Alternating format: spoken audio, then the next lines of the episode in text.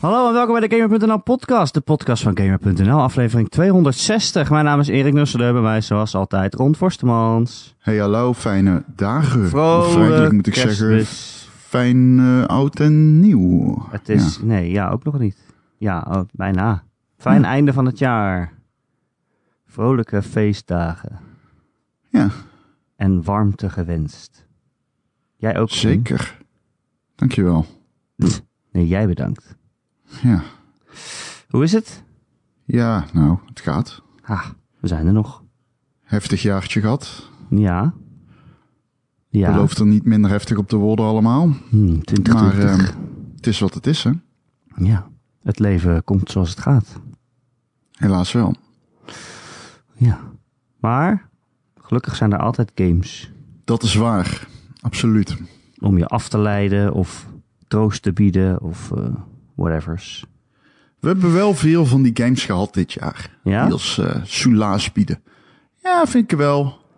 Het was een, eh, een, een, een, een, ehm, een jaar waarin veel AAA-games zijn uitgesteld. Ja. En dat gaf wel wat ruimte in het najaar. Ik moet zeggen, kijk, als ik het nou bekijk, halverwege het jaar dacht ik heel erg, oh, dit is een slecht gamejaar. Dat is wel een beetje gelijmd. Ook door wat verrassingen. Het is alsnog geen geweldig gamejaar. Het voelt heel erg als een einde van de generatiejaar. ja, dat vind ik zo'n raar argument, want er komen er eh, gewoon begin volgend jaar echt nog superveel AAA-games achter elkaar ineens uit. Ja, daarom voelt het als een einde van een generatiejaar. Maar waarom is volgend jaar dan ineens wel goed? Eh, omdat veel eh, devs en publishers die verkiezen zeg maar hoge afzet tegenover ehm, eh, tijdig in de winkel slikken. Want op het moment dat je nog in dat laatste jaar zit, dus halverwege het eerste jaar, zeg maar, daarom gaan mei tot en met september, zeg maar, hele drukke maanden worden voor die oude consoles. Omdat dat window opeens heel interessant is. Want niemand heeft nog de nieuwe generatie consoles. Maar de afzet van die consoles is hoger dan ooit. Ook omdat je met kerst en Black Friday nog even die push hebt gedaan. Maar dat is dit jaar toch ook al zo? Dat is zeker zo. Het zijn nu toch ook jij al een 100 game als- miljoen eh, consoles in Oh nee, natuurlijk. Maar dat, ik bedoel, het is toch ook zo dat er vorig jaar ook nog eh, AAA-games zijn uitgekomen. Dus dat, dat, dat is geen argument. Maar bijvoorbeeld een Sony, die natuurlijk The Last of Us 2 heeft. Voor Sony maakt het absoluut geen reet uit. Als die in september in de winkel ligt van 2018 of van 2019. Of van 2019 of 2020. Als die maar voor de volgende generatie hierin ligt. Ja, precies. Een beetje hetzelfde als met God of War 2. God of War 2 kwam een week voor de PlayStation 3 uit. En waarom kan dat? Ja, omdat al die mensen die God of War willen spelen, die kopen God of War. Dus de afzet is dan heel groot. En die, eh kijk, wat je sowieso ziet natuurlijk bij veel games zoals die singleplayer eh zijn, is dat er een initiële boost is en daarna sterft het af. Tegenwoordig zien we dat niet steeds minder, omdat heel veel games content trajecten zijn. Waardoor ze ja, eigenlijk blijven verkopen. Hè? Of je moet een FIFA zijn die gewoon het hele jaar door lang goed verkoopt. Omdat het gewoon een game is, er is geen alternatief. En veel mensen kopen een console voor FIFA. Maar games als God of War en ook die nieuwe God of War, die teren heel erg op die initiële boost. Ehm, die eerste week zegt eigenlijk het meeste. Dus daar kom je gewoon heel goed mee weg. Ja. Dat is de reden. Dat is, dat is echt gewoon de reden. Ja, nou ja. En dus was het een, eh, ja, een beetje een magertjesjaar, vond ik toch wel. Ja, ik heb, ja. Dit is de top 10 aflevering, hè? Onze eigen top 10's gewoon. We hadden vorige week ook al een top 10 aflevering. Ja, Dat ging er iets eh eh, eventvoller aan toe. geweldig wel. Nu hoeven we niet te discussiëren, want het is je eigen lijstje. Ja, Ik mag wel zeggen dat je gek bent, maar zeker. toch je eigen lijstje. Ja.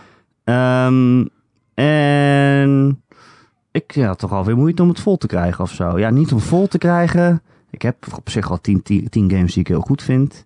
Maar het is niet dat ik aan de onderkant van de lijst ook nog denk... oh, wat zijn deze games toch ontzettend goed. Ja, dat klopt. Ik heb er ook games in zitten die ik nog niet uitgespeeld heb. Volgens mij is dat ook een eerste keer. Oh, dat durfde ik niet aan.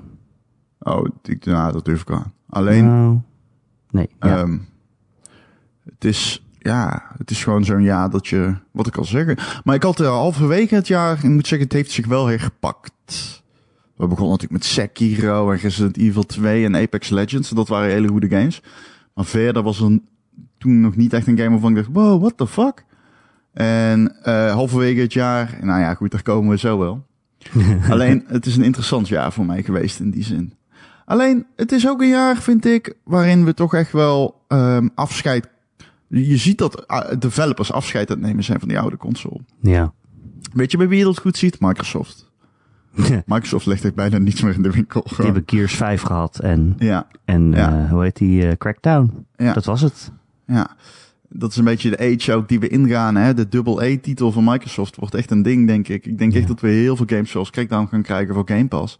De games die zeg maar niet echt fantastisch zijn, maar hey, je hebt Game Pass, dus Beetje de, de vernet- Netflixisering van games. Ja, je krijgt die Marvel-series. Ja, dus als ze maar net Netflix genoeg maakt. zijn om je abonnement aan te houden. Net Ja, goed- die net Marvel-series genoeg, van maar. Netflix zijn een goede vergelijking, denk ik. Ja. Het zijn series die nou niet echt bepaald van je van ja, uit je stoel flikkert van, van, van, vanwege de, de, de, de opzet. Maar zij, je wilt ze op zich wel kijken. En Het is oké. het is het equivalent van het knalt lekker weg, zeg maar. maar hoe zijn de wapens om? Dank je.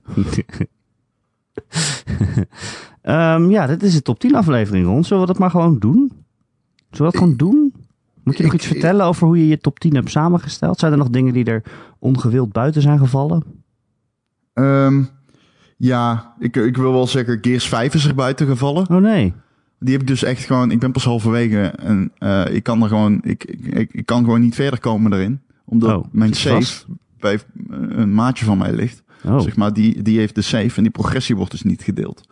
Ah. En dus ik ben aan het wachten tot hij weer wil spelen. Maar dat duurt allemaal en dat duurt allemaal. Dus dat kan op dit moment niet.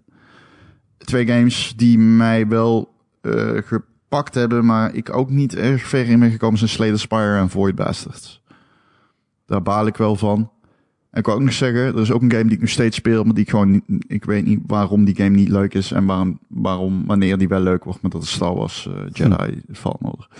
Ik bedoel, ik had echt verwacht dat hij in mijn top 10 zou staan, maar die, die, eh, ik, die game, eh, ik snap hem niet, of ik, hij Ja. doet het niet voor me. Nou ja. Alleen, ieder, iedere keer als ik hem speel, denk ik, jezus, wanneer wordt dit nou, wanneer wordt dit nou leuk? Ja. Hm, hm. Ja, nou zo erg sta ik er ook weer niet in. Maar iedereen die mijn recensie heeft gelezen, die zal wel weten dat hij niet in mijn top 10 staat, inderdaad. Ja, je hebt hem een 7 gegeven. Ja, ik, eh, ik, ja, ik zit echt lager. Dus, Nog eh, lager. Ja, het doet zit het al zo niet bij laag. mij. Ja, maar hij doet het gewoon niet. Ik, ik, ik vind het gewoon niet leuk. Nou, ik vond het wel leuk.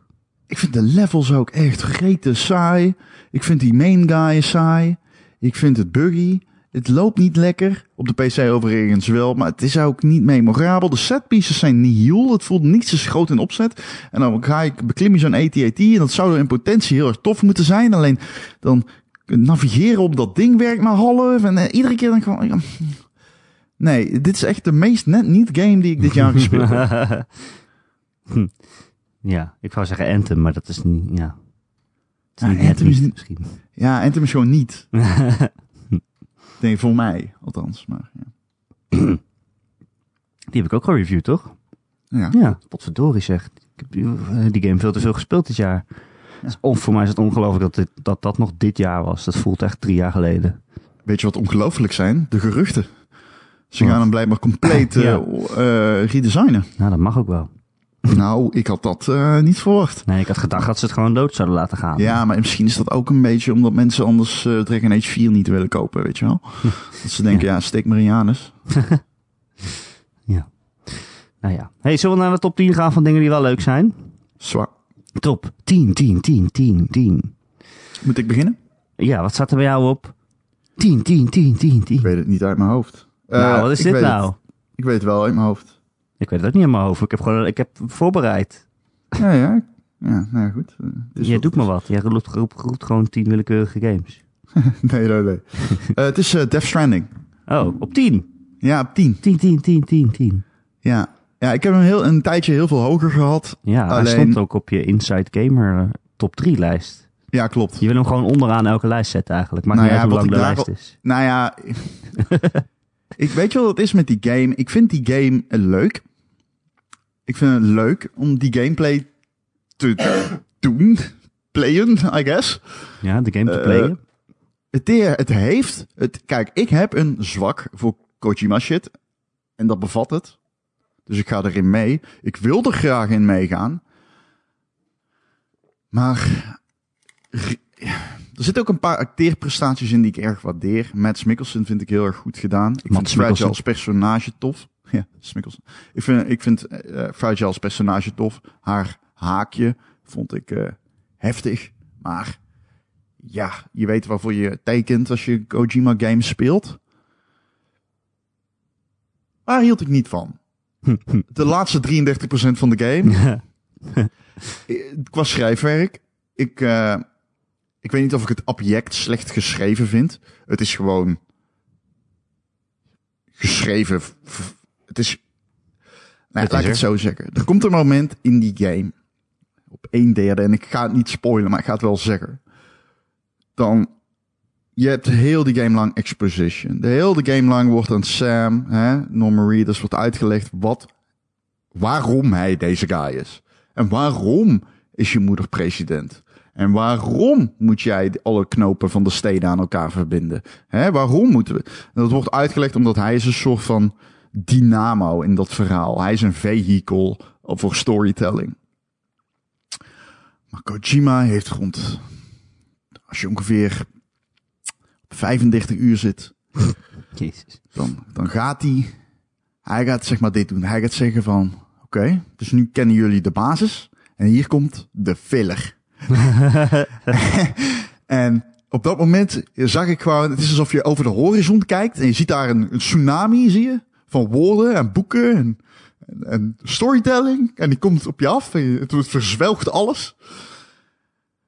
En op dat moment denk je echt, God, fuck!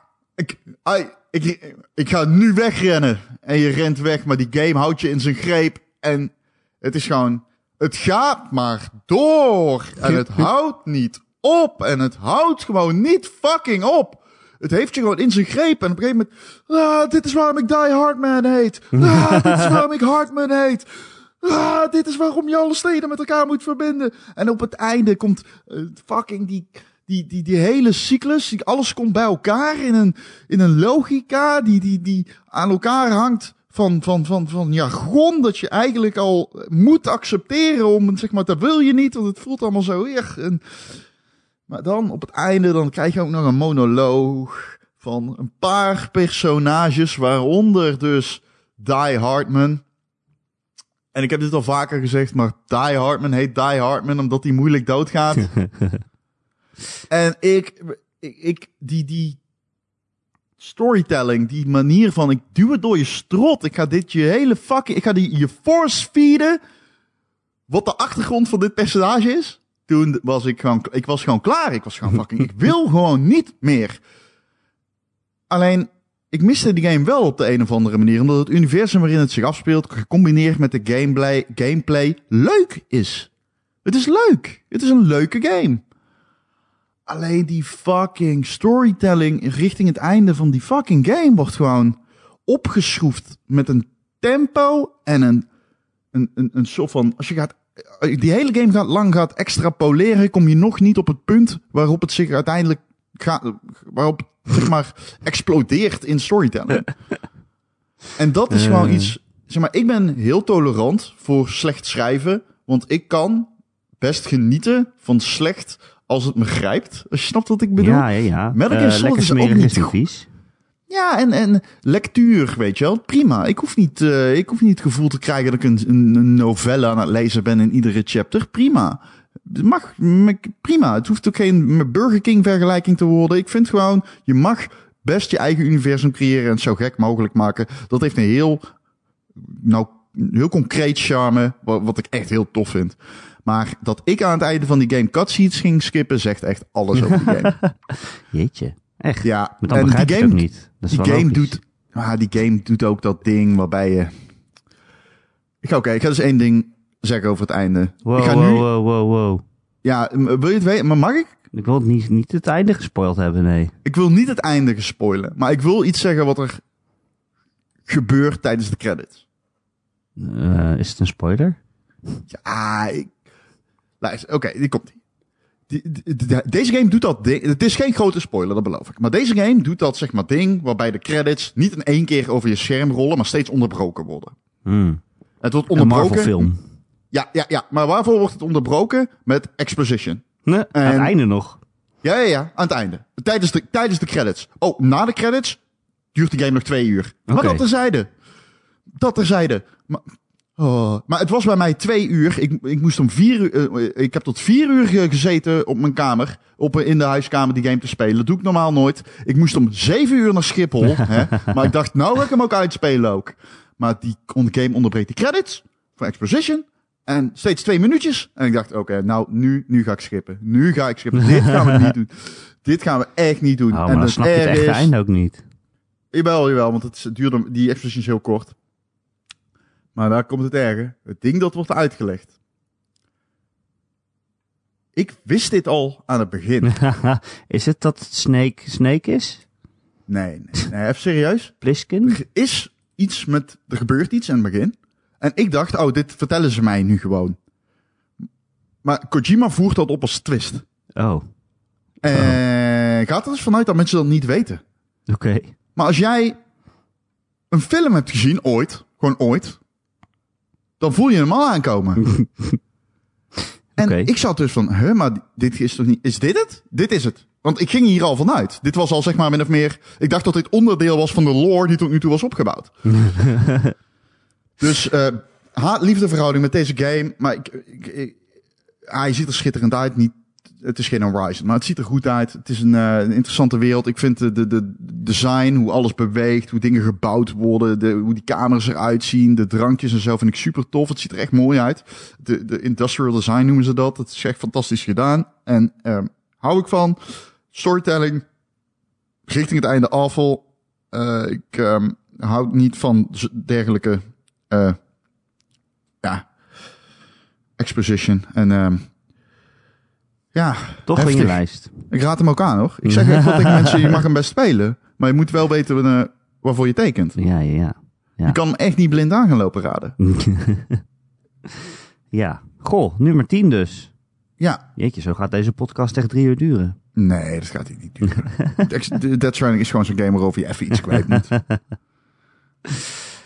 Eh, mijn nummer 10 is eh, Fire Emblem Three Houses. Eh, het, is, ja, het is gewoon meer Fire Emblem Ron. Dat was natuurlijk al goed. Al die gevechten zijn cool. Ik vond het wel een beetje makkelijk op zich. Pas tegen het einde werd het echt, echt uitdagend. Oh ja. Eh, maar je kan hem ook op moeilijk zetten. Hè? Dat had ik dan weer niet gedaan. Dus Nee. dat is ook weer mijn eigen schuld. Ah. Maar ik moest hem reviewen en dan, ja, dan heb ik geen zin in dat al die mensen de hele tijd doodgaan en eh, dat je ze dan ook echt kwijt bent. Nee, dat lijkt me ook echt niet leuk, maar goed. Ja, nee. Zeker niet met een tijdsdruk. Ehm, en, en ze hebben gewoon die game eh, half vernieuwd door een, een halve andere game in te plakken. Namelijk een soort Persona medley. Een soort Persona Light. Waarin je je eigen vrije tijd indeelt. Nou, dat weet iedereen wel. En ik hoor van heel veel mensen die zeggen... Oh ja, ik hou van Fire Emblem, maar dat hele schoolgedeelte... dat kan me echt gestolen worden. Ehm, en dat snap ik op zich wel. Want het duurt gewoon best wel lang. Ehm, maar je kan het ook heel veel dingen skippen. En dat doen die mensen dan ook weer niet. Dus dan is het ook wel een beetje je eigen schuld, hè? Ik bedoel, je hoeft niet met je, met je schoolkinderen thee te gaan drinken. En, eh, en te gaan vissen en zo. Zelfs ik deed niet eens vissen, want je wint er helemaal niks mee. Ehm, Hm. Maar het is wel cool dat je, je, je hè, jouw leerlingen, dat, dat zijn natuurlijk je medekrijgers op het slagveld. En jij kan bepalen wat voor vakken ze moeten gaan leren. En dan worden ze dan goed met een bijl of worden ze goed op een paard. En dan op een gegeven moment moeten ze ook afstuderen. En dan worden ze, hè, dan kan je een nieuwe kla eh, klas voor ze kiezen en zo. Maar dan moeten ze wel goed zijn in bepaalde onderdelen. En dan, ja, je bouwt echt wel een band op met die lui. Tenminste, dat had ik dus wel. Omdat je het zelf vormgeeft en omdat je het met ze gaat kletsen. En in het begin zijn het van die hele stereotype, stereotype manga-personages. Maar ja, gaandeweg, als je steeds meer met ze praat, en als ze steeds meer met elkaar praten ook. Hè, want als ze meer vertrouwd worden met elkaar en een betere band met elkaar opbouwen, dan gaan ze ook eh, gesprekjes met z'n tweeën doen. Ja. Dan kom je toch wel steeds achter meer diepere lagen. En ja, dat, dat spoelt dat stereotype sausje wel weg. Dus Hmm. ik vond dat wel mooi, en gecombineerd met die, met die leuke strategie gameplay. Ja. Maar ik moet ook zeggen, hij staat wel maar op 10. Het is ook niet zo blijven hangen bij mij of zo. Ik vond het wel echt een goede game. Ik had geen behoefte om alle vier de eindes te gaan zoeken of zo. Want dan moet je dat hele spel dus echt drie keer spelen. Maar ik vond het wel echt heel leuk. Wat heb ik toen gegeven? 8,5 geloof ik, hè? Weet Dat is zo hoog voor mij, hoor. Doe, doe, doe ik ook niet zomaar. Nee. Maar Fire Emblem, eh, ja, hele leuke game. Ik geloof je, ik, het is, eh, ik heb hem niet eh, echt eh, lang gespeeld. Nee, ik heb Death Stranding ook niet echt lang gespeeld. Nee. nee, precies. Maar Je ik kan denk dat deze spelen. ook geen kans meer geef. Nee, nee, het lijkt me ook niet echt een rondgame, toch? Nou, lijkt me wel. Nee, ja, dat- in, in de school rondlopen en, en Nee, dat niet. Nee, dat niet. Maar ik vind dat hele eh, tactische gedeelte wel leuk. Alleen ja, wel. als die dan zo makkelijk is. Ja. Ja. Ja. Ja, dat is het moeilijke gedeelte van die game, denk ik, om te beoordelen. Maar eh, ja. Ja. Ja, je kan hem ook moeilijker zetten. maar Ja, Dat moet je dan wel doen. ja. dan moet je dat van tevoren weten. Ja, dat precies. veel mensen zich daar niet helemaal bewust, bewust van waren. Bij deze mensen. Ehm, Oké, mijn nummer 9. Vertel, ik ben reuze benieuwd. Ja, het is Apex Legends. Oh, nu al? Ja, nou, ik had hem al eerder verwacht. Alleen het ding is, er zijn gewoon veel goede games daarna uitgekomen. gekomen. Ik heb Apex Legends eh, veel opgestart daarna. Eh, maar je moet ook eerlijk zijn, het is gewoon een game die voorbeduurt eh op het welbekende. Maar die game heeft wel veel veranderd. Ik bedoel, Fortnite heeft echt veel van de Apex Legends overgekomen. Al een week overgenomen. Het ping systeem en zo. En al een week, week na release. Dus dat eh, zegt genoeg. Dit is een supergoeie Battle Royale game. En het is er ook een die ik interessant vind, omdat ik heel erg houd van het type gameplay eh, dat, eh, waarvoor eigenlijk eh, Respawn Entertainment wel gerond staat. En dat is dat snelle, maar ook het, het feel good, weet je wel, het echt een beetje console-achtige gameplay. Ehm feel good als in, voelt goed om te spelen, omdat het zo snel en behendig Ik wou is. net zeggen. Ja, is Alleen wat ik niet. Nee, het is geen kerstfilm. Maar wat ik niet ehm, echt vind van die game is dat het een eh, heel nieuwe, een nieuwe richting voor het genre is of zo. Dat is allemaal niet aan de orde. Is ook niet per se essentieel. Is ook niet de reden dat die hoger had, of lager staat dan die had gemoeten of zo. Het is gewoon. Er zijn heel veel games uitgekomen. Ik heb deze veel gespeeld. Hij staat op 9 omdat hij gewoon even ruimte moet maken daar. Het is een goede game. Het is absoluut een goede game. Het is een van die games waarvan ik aan het begin van het jaar dacht, dit wordt misschien wel de nummer 1. Alleen, eh, ja, we hebben veel verrassingen gehad sindsdien. En games waarvan ik ze niet, eh, waarvan ik eigenlijk niet had verwacht dat ze zo goed zouden zijn. En Apex Legends, ja, als je hoort dat Respawn een Battle Royale game gaat maken, dan weet je eigenlijk al genoeg. Dan zal het wel goed zijn. En dat was het. En eh, ik- die game heeft ook al dingen doorgevoerd. Hè? Dat ping systeem en het ehm, wing, hoe heet dat ook alweer? Dat je met z'n drieën uit een ehm Jumpmaster gebeuren. Dat heeft die- Jumpmaster. ja, dat vind ik ook heel slim. Hè? Omdat je niet van van die klootzakken hebt die maar... eh, dat jij mag bepalen wanneer je uit het vliegtuig springt, zeg maar. Ja. En niet iedereen zijn eigen weg gaat. En die game heeft gewoon heel veel manieren gevonden om ook voice chat te vermijden met vreemden. En dat is iets wat we allemaal willen Ja, in top. online games.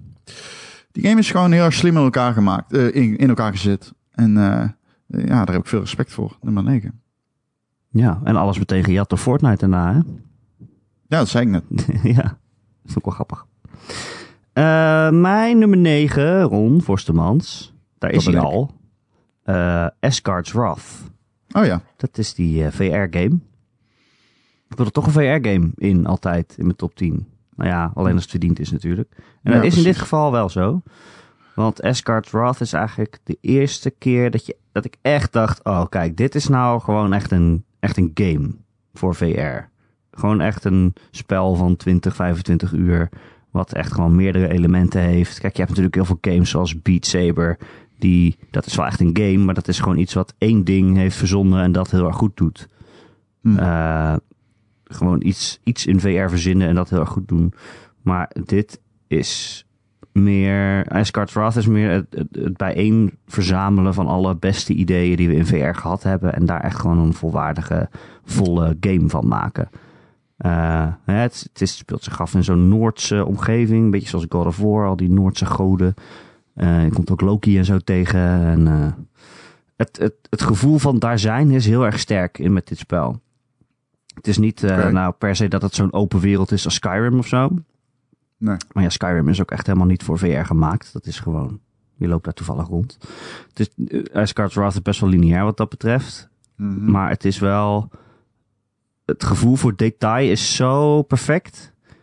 dat je, dat je je echt, ja, echt voelt dat je, dat je daar bent. Het gevoel van aanwezigheid. Het, het begint met een, met een gevecht tegen een, een, een kraken in, in de zee. En dat ding dat torent echt boven je uit. En je denkt, oh shit. En dan gooit allemaal schepen naar je. En dan moet je dat van je af zien te weren. Ehm, en daarna, heel snel kom je daarna in, in, in een kroeg waar in, in de hoek een, een bandje staat te spelen. En mensen zitten allemaal te drinken en je kan daar rondlopen. En dan zit een smidse achterin. En dan kan je daar je wapens maken en upgraden en zo.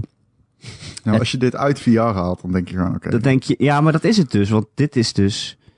Het, het lijkt zo logisch om gewoon zo'n hele game met zoveel verschillende elementen te maken. Maar dat, dat is nog niet echt gebeurd in VR.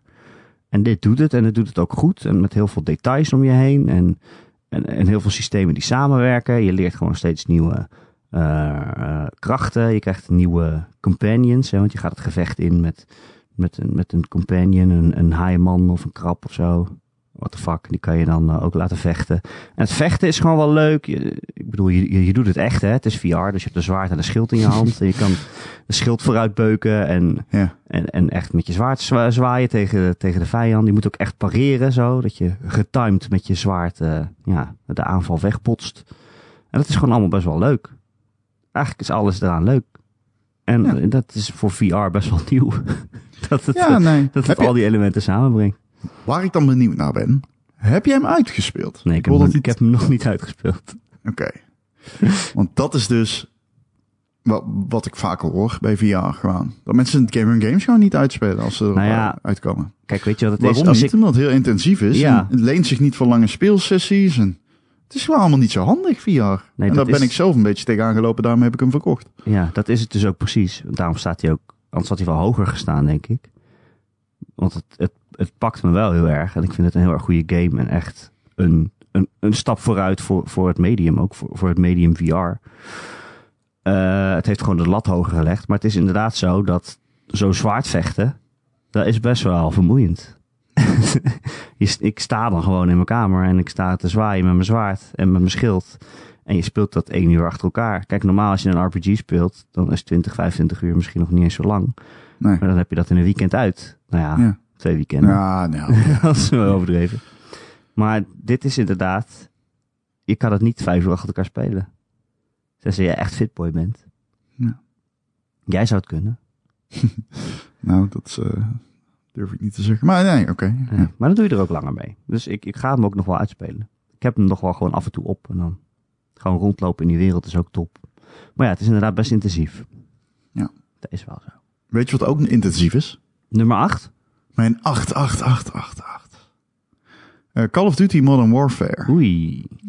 Ja. Ook nu al? Ja, nee, ja, wat, ja. Sommige games dat ik ja. dacht dat ze hoger zouden staan. Nee, nee. Dit is een game die, ehm maar ondanks het feit dat je weet wat je van Call of Duty kan verwachten. En ik heb natuurlijk een presentatie van deze game gehad in Los Angeles. Eh, ik heb erover voor geschreven. Ik weet niet meer voor welke website. Maakt ook niet uit. In ieder geval was het interessant om daarbij te zijn.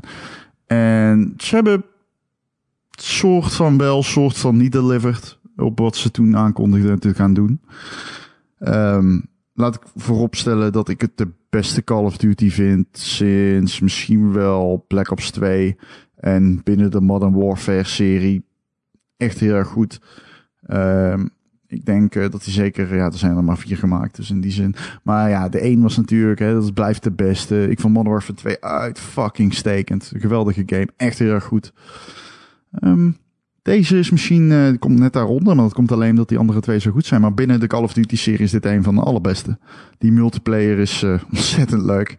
Ik vind die eh 2 versus 2 modus, die, die kun je inmiddels ook met eh, minder of meer mensen spelen. Maar die vind ik echt briljant. Ik vind dat echt eh, de beste set die Call of Duty gedaan heeft in, eh, in echt in een hele lange tijd. Het is echt heel erg leuk om te spelen. Dat is echt heel erg leuk. Ehm, en de campaign is ja ook ontzettend goed gedaan. Ze weten echt wel een toon aan te slaan die intrigeert en op het randje van relevant balanceert. Eh they fucked up, daar hebben we het al over gehad in de podcast met sommige dingen. En dat gaat dan vooral over, eh, misschien dat ze soms net over dat randje gaan. Hè? Eh, Maar het is er niet te min een geweldig avontuur om erheen te schieten. En ik denk ook dat je uiteindelijk vooral Call of Duty moet zien als een formule. Hè? En uh, we gaan geen uh, gamer krijgen die daar extreem van afwijkt. Maar binnen alle delen in de serie wijkt deze toch wel af. Op bepaalde, uh, met bepaalde dingen, zoals de, de multiplayer die toch een beetje traag is. Hè? Snelle time to kill. En ook uh, de, de, de campaign die dan toch wel uh, ja, aardig dichtbij komt. Soms als je kijkt naar dingen als aanslagen en zo. En, en, en infiltraties van terroristencellen. Um, ik vind echt dat die game dat op een hele goede manier inpakt. Waardoor je echt wel het gevoel hebt van wow, dit is wel, ik ga dit sowieso uitspelen. Denk je nou de eerste missie eigenlijk al. Hm. Um, de, de, de co-op is een mislukking. Een complete mislukking. Uh, ja, wat ik toen al in de podcast zei. Het is bizar dat ze dat op deze manier hebben toegevoegd. Het heet Spec Ops, heeft er niks mee te maken. Het is buggy en uh, met, met zeer in het hart moet ik zeggen dat het niet eens leuk is. Um, dus uh, draagt de naam Spec Ops, maar uh, het mag een schande heten dat dat zo in de winkel ligt. En daarom staat hij op 8. Ja, toch, toch 8. Ja. Mooi. Ja. Mooi. Ook wel. Hij heeft het gehaald van Call of Duty game niet vanzelfsprekend. Nee, hè? Dat gebeurt niet elk jaar. Nee, vorig jaar wel, maar dat komt omdat Black Ops 4 heel goed was. Ja. Ja. Nou, mooi. Ja. Uh, mijn nummer 8, 8, 8, is, uh, jawel Ron. Hm? Ik heb een Battle Royale game in de lijst. Tetris. ja, natuurlijk. natuurlijk is het Tetris. Ja. Uh, Tetris 99. Echt zo'n game waarvan als iemand het aan je vertelt, dat je denkt, dit kan nooit werken. Tetris met zijn 99 tegelijk en dan blijft er één over. Dat is echt heel erg dom. Uh, maar het werkt echt supergoed. Die hele scherm is gevuld met heel kleine weergaves van alle andere spelers. Je hebt echt geen tijd om ernaar te kijken. En toch moet het af en toe om te bepalen wie je dwars gaat zitten. Uh, kan dat ook een beetje automatisch laten kiezen. Uh, maar je moet er ook echt mensen uit gaan, uitschakelen echt zelf. Want dan verdien je badges en dan je, doen je aanvallen weer meer schade. Of ja, hoe noem je dat? Dan stuur je meer rijen de andere kant op. Hm. En zonder dat ga je nooit winnen. En ik heb het niet eens echt superveel gespeeld dit jaar. Uh, zeker niet voor een game die dan op 8 staat. Dat je denkt, oh, dat moet je toch wel echt wel heel lang gespeeld hebben. Of, of niet dan. Uh, maar ja, gewoon die keren dat ik het dan weer oppak. Dan denk ik, ah fuck, Tetris, Tetris aan zich is gewoon de perfecte game. En dat je dit er zo op weet te schroeven. Zo'n multiplayer modus. Het is echt de buur dat het kan eigenlijk. Maar het werkt echt, het werkt echt supergoed. En dat Ja. het, het, het is heel erg moeilijk. Het gaat super snel aan het eind. Zo vanaf, vanaf de helft van het spel denk je echt, oh mijn god, we zijn in godesnaam mee bezig. Maar als je dan een keer wint, jongen, wow, dan ben je echt een koning. Ik zou het niet weten. Ja. Dan is het nog Helaas. steeds, uh, nog steeds op nul. Ja. ik, uh, ik heb mijn favoriete van de redactie, die tekst die iedere uh, redacteur van Game.nl schrijft aan het einde van het jaar. Waarin die persoonlijk uitlegt van, nou, dit is waarom dit mijn game van het jaar is. Of in ieder geval een game die ik heel erg tof vond. Een, ja, een game van het jaar. Ja, een game van het jaar. Die van mij gaat over Tetris. Dus uh, die keert ook nog in mijn lijst uh, terug. Um, Ja, Oké. top. Ja, ik heb ook één keer gewonnen of zo. En ook wel een paar keer tweede geworden. Dat zijn echt... Oh, dan zit je echt met, met de adrenaline in je keel, jongen. Dat is echt niet normaal. Dat gaat dan zo snel. En je wil ook nog opletten of die andere al bijna af is of niet. En dan, Nou, ik zou ja, het dan niet gaat het mis. Dan gaat het mis. Het gaat gewoon mis. Ja. Maar wat een game. Ik zou gewoon lachend die 20 euro van de Nintendo Online per jaar betalen. Alleen om Tetris 99 te spelen. Sterker nog, dat doe ik volgens mij. Volgens mij heb ik Eh, gewoon, ja, volgens mij heb ik heb gewoon- Ik zou ik heb gewoon een abonnement op Tetris 99 volgens Ik mij. heb laatste keer, uh, ja precies, dat is echt zo. Want ik heb laatste keer Mario Kart gedaan. Toen dacht ik, hé, hey, volgens mij is het de eerste keer dat ik Ja. een online abonnement gebruik. Ik heb wel eens eh, Tetris- NES, NES of een SNES game of zo gespeeld. Ja, oh ja, dat heb ik ook wel eens gedaan. Ja, dat is waar ook. Nou, oh, en uh, Super Mario Maker 2 trouwens. Nu. Oh ja, ja, ja. Dat vergeet je gewoon allemaal. Het draait Mhm. allemaal om Tetris. Nou ja, En dat is eigenlijk hoe het bij mij gebeurt. Dus ik heb die game gekregen bij Tetris, uh, bij Super Mario Maker 2. Want dan kreeg je voor 10 euro extra een abonnement erbij. Oh ja. Ik had daarvoor nog helemaal geen Switch abonnement. Want ik zag de noodzak niet. En uh, ja, ik heb Super Mario Maker 2 misschien drie uur gespeeld. Staat ook niet in mijn lijstje trouwens. En uh, ik heb misschien, uh, ja, 10 minuten wel langer, een paar uur. En ik heb fucking, die, die, die fucking Tetris 99, die heb ik echt het hele jaar lang iedere Ja. dag bijna gespeeld. Ja, echt leuk. Ja. Ah, iedere dag is overdreven, maar vaak, heel vaak. Ehm, op 7 bij mij staat een game die jullie allemaal niet kennen, maar misschien wel als je heel goed hebt opgelet tijdens podcasts.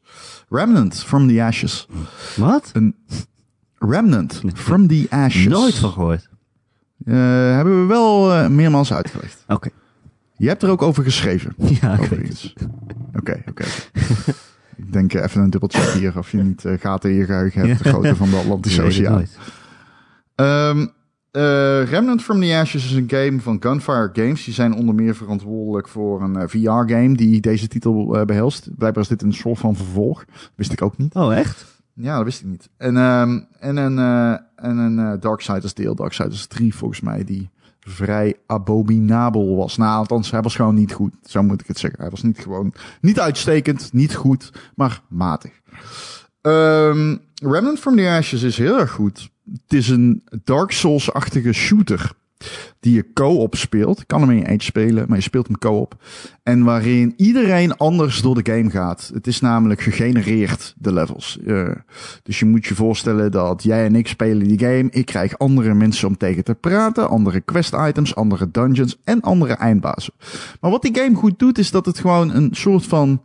ehm, het is een beetje een lapjeskat, hè? Je hebt het, het, speelt fantastisch goed. Het speelt echt geweldig. Het speelt echt als een game die gewoon kan weedijveren met bijvoorbeeld Gears of War.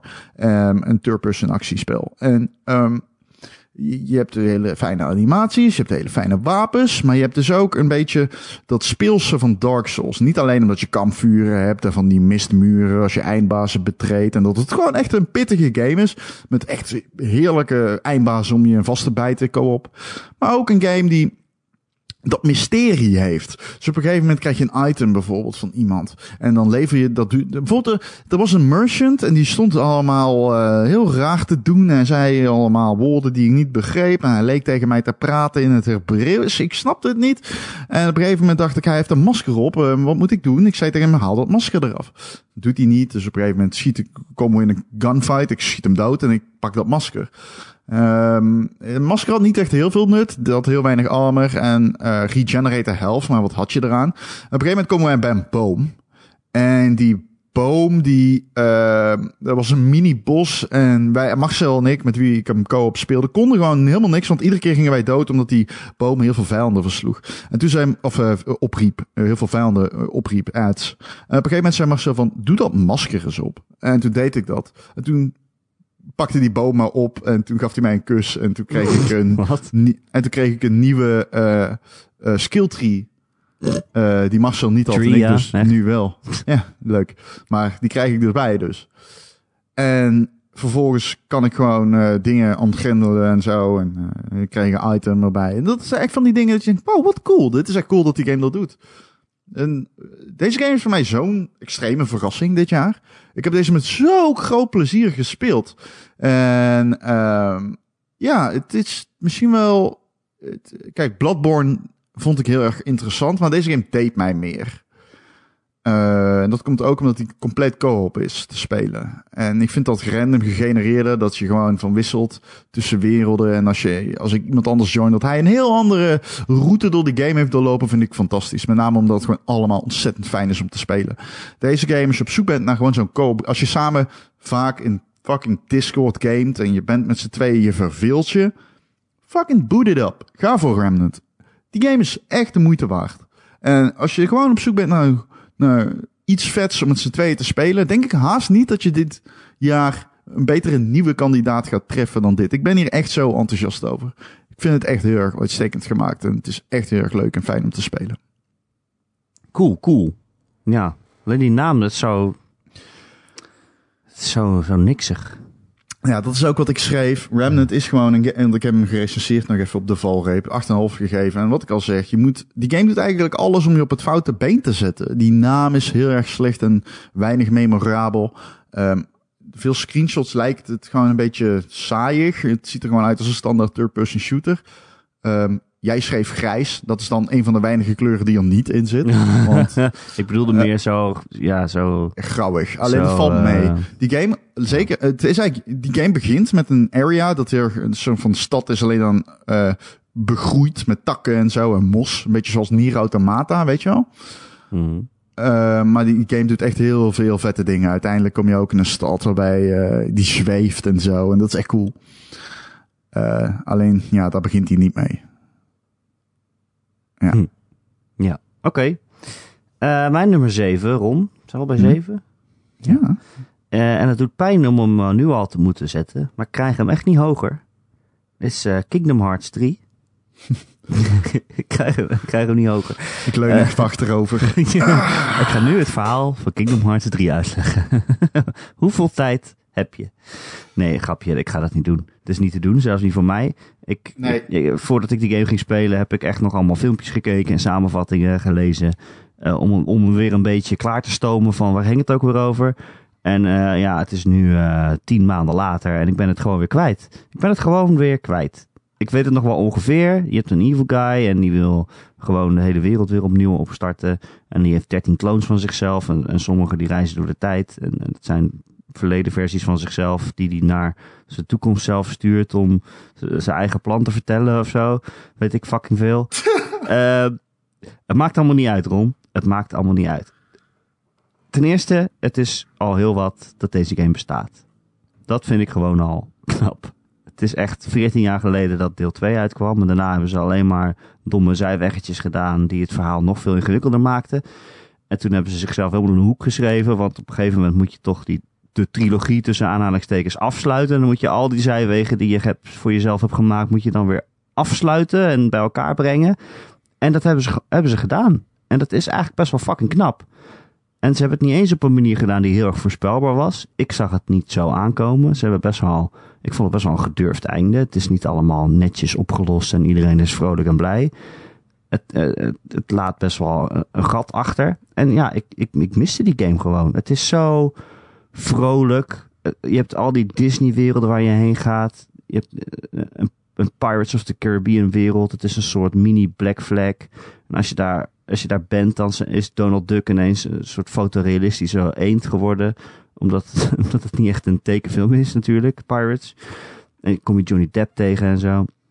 Het ziet er allemaal heel debiel uit. En dan ga je naar Monsters Inc. En dan is iedereen een monster. Het is gewoon zo gezellig. Het zijn allemaal, het draait allemaal om de kracht van vriendschap en zo. En warme gevoelens. En de sleutel naar je hart. En weet ik veel wat voor onzin en bullshit. Maar het is gewoon echt heel erg fijn. Dat, eh, het is gewoon heel knap hoe ze, hoe ze het hebben afgesloten. En dat het überhaupt gebeurd is. Het speelt beter dan de originele games. Nou was het ook niet zo moeilijk. Het is niet echt een perfecte action-adventure game, maar het is Nee. wel... Het is ook heel ontoegankelijk. Ik kan echt niemand aanraden om die game te spelen als je niet eh, helemaal een soort van een bad hebt genomen in, de, in, in, in boeken vol met lore. Het is echt best wel ontoegankelijk. Dat schreef ik ook in de, in de review. Maar als je echt een fan bent van Kingdom Hearts, dan ik vond het echt wel een heel erg waardig einde. Eh, dus het, was Alright. echt, het is echt wel mooi. En er komt nog DLC aan. Oh, zo. Nou, Komende Jezus, ze kunnen maar geen genoeg krijgen, En dan hè? gaan ze het nog een keer echt afsluiten, denk ik. Oh, ja, ik ben best wel ja. benieuwd. Echt? Was het einde geen einde? Nou, ik Oh, vond het wel God. een einde. Ik vond het wel een keuze. Maar je, je, je kon er nog allemaal kanten mee op, ja. Nou, Maar het was wel echt Oh. gewoon een, een game met een, een- met een einde. Een, een afsluiting. Over een game met een afsluiting gesproken. 6, 6, 6, 6, 6. Mortal Kombat! Ah, wat een vette game zeg. Jezus Christus. Niet verwacht dat de beste verhalende game van 2019 Mortal Kombat zou zijn. Nou, doe normaal. Ja, absoluut, 100%. De best verhalende game die ik gespeeld heb is Mortal Kombat dit jaar. Geweldig, fantastisch. Echt geweldig. Ehm, dit is echt het beste werk van eh NetherRealm. En ehm, je ziet ook heel erg dat ze hebben toegewerkt naar een soort van magnum opus. Ze hebben gewoon echt alles gecombineerd wat ze zo goed kunnen. En ik zat te denken, misschien is dit wel gewoon de beste fighter van de afgelopen tien jaar. En ehm, ik eh, speel niet heel veel vechtgames. Maar de, de twist en turns in Mortal Kombat en de lore en hoe ze ermee omgaan en wat ze introduceren is eh, ja, fantastisch. Echt zeer waardig. Waardig voor de licentie, maar nog veel meer waardig om gewoon te spelen. Eh, ik vind het idee hoe ze omgaan met tijd, vind ik heel cool. Ze hebben tijd een vijand gemaakt, dat vind ik echt fantastisch. Ehm, dat ze oude en nieuwe personages tegen elkaar, zeg maar oudere versies van personages laten omgaan met uh, hun jongere zelf, is fantastisch. Johnny Cage die de hele tijd zichzelf tegenkomt en dan denkt, Jezus Christus, ik was zo fucking douchebag. Mm Maar ze hebben dus ook een manier gevonden om Scorpion en Sub-Zero zij aan zij te laten vechten. En het is idioot als je erover nadenkt dat dit gewoon een van de beste verhalen in de games is van de afgelopen jaren. Want deze game introduceert personages. Of nee, heeft als bronmateriaal personages.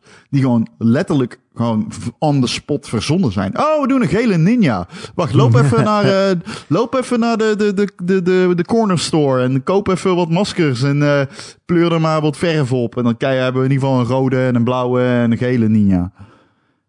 Maar, uh, ja, ik heb, ja, ik heb intens, intens, intens genoten van die opzet. Um, het is echt heel erg leuk.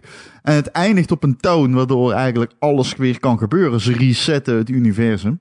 Letterlijk. En uh, ja, ik, uh, ja ik, het, uh, ik weet, ik ben natuurlijk een beetje fan van de serie. Maar dat speelt niet echt een rol in dat ik het verhaal zo goed vind. Ik vind het verhaal gewoon echt ontzettend goed geschreven. En dat vond ik van Injustice 2 ook al. Maar ik vind deze bijna twee keer goed beter of zo. Het is echt uh, zo ontzettend leuk. Ik vind dat wel een prestatie op zich voor een vechtspel. Niet bepaald iets waarvan je zou zeggen... nou, wat een vehicle voor storytelling of zo. Nee, dat zou je niet zeggen. nee. Nou, leuk. Maar vecht het ook nog een beetje leuk? Of is dat uh, bijzaak eigenlijk? Zeker, nee, absoluut. Het is de best vecht, uh, vechtende Mortal Kombat. Je hebt uh, verschillende opzetten. Je kan personages aanpassen met zeg maar, die opzet. Dus je hebt drie gietvormen die je kan selecteren voorafgaand aan de strijd. En je hebt heel veel modi. Ik moet zeggen, niet al die modi vind ik even leuk. Ik wil gewoon lekker één op één.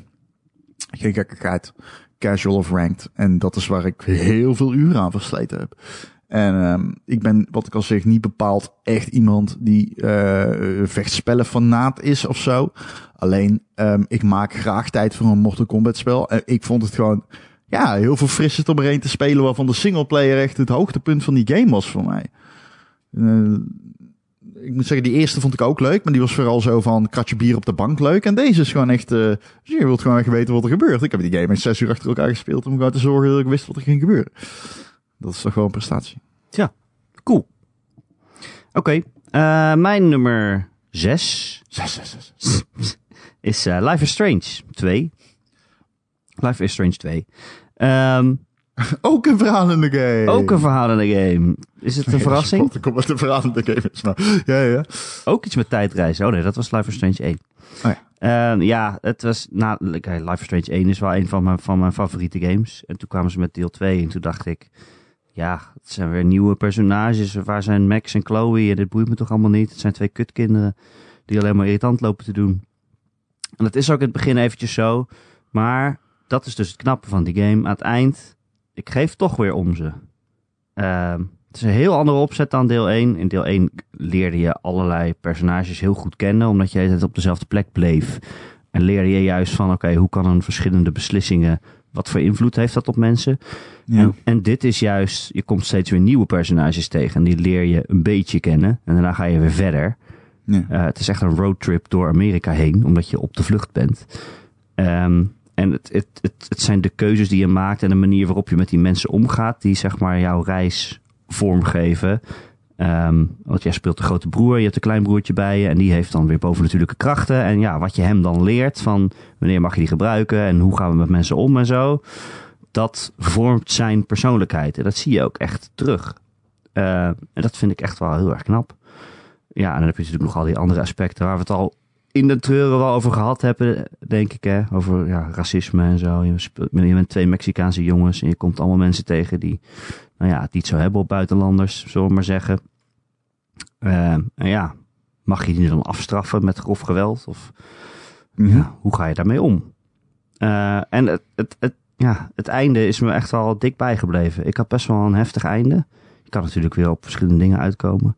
Ik had best wel een heftig. En toen ging ik opzoeken, nou, wat kan je dan nog meer voor eindes krijgen? Maar die waren ook allemaal heftig. Dus het is niet, uh, het is niet dat er nou iets is waarvan je denkt, oh, iedereen komt hier vrolijk uit of zo. Maar ja, het, het ja, het, het, het, het paste wel heel erg bij mijn playthrough. En daardoor voelt het ook wel echt alsof het mijn verhaal is, weet je wel. Omdat het mijn keuze is en het, het eindigt ook op een manier die daarbij past. Want dat, was wel, dat had ik wel bij die eerste Life is Strange. Dat eindigde gewoon met een binaire keuze. eh, het een of het ander. En Ja. je kon kiezen wat je wilde, ook al ja, wat je daarvoor ook al allemaal gedaan had. Ja. En dat is hier niet per se zo, altijd. Oké. ja. Het is wel het is spannend. Het is echt een heel mooi verhaal. Ik vind het, eh, ja. ja, wat ik zeg, in het begin dacht ik, oh nee, ze gaan iets heel anders doen. Dat wil ik eigenlijk helemaal niet. En aan het eind dacht ik, oh vet. ze hebben iets heel anders gedaan en het is gewoon weer, eh, ja, pakkend. Hm. Ja, dat is wel knap. ja, dat is knap. Dat is een prestatie aan zich. Dat is mijn nummer 6. Mijn nummer vijf. Vijf, vijf, vijf, vijf. Eh, Manifold Garden. Ik heb die game ehm, eh, uitgespeeld, eergisteren. Eh ik zat s'avonds achter mijn pc'tje. Ik vond hem niet heel erg moeilijk, maar misschien ben ik gewoon heel erg slim. Dat kan. En dat zeg ik ook altijd. ik, ehm, ik, die game heeft me veel gedaan, toch wel. Ik, niet dat er een boodschap in zit, die zit er niet in. Maar die game is zo mooi. En zo goed. ehm, die, die levels zijn zo goed opgebouwd. En zo intrigerend. Ik heb zelden een puzzelgame gespeeld die zo veel. eh, nou, niet dat, maar gewoon zoveel eh doet met de omgeving. De Witness deed dat ook al een beetje, maar deze doet dat eigenlijk nog veel meer. En eh, de levels zijn echt integraal onderdeel van iedere oplossing. En ja, het is nog steeds, ik heb het al vaker uitgelegd, maar het is nog steeds gewoon zo. Als je ook aan richting het einde van de game en in de laatste paar seconden, die game is gewoon een fucking digitaal Escher avontuur, MCS'er. En je loopt daar gewoon doorheen. ehm, eh, terwijl je eh, de omgeving kan kantelen. En op die manier leg je eigenlijk blokken op de juiste plek. Maar daar gaat het natuurlijk, eh, er zijn heel veel twists en turns. En ja, het is, het is echt een game die je eigenlijk, eigenlijk zonder even iets op te zoeken gewoon even moet spelen. Hij is ook op Apple Arcade.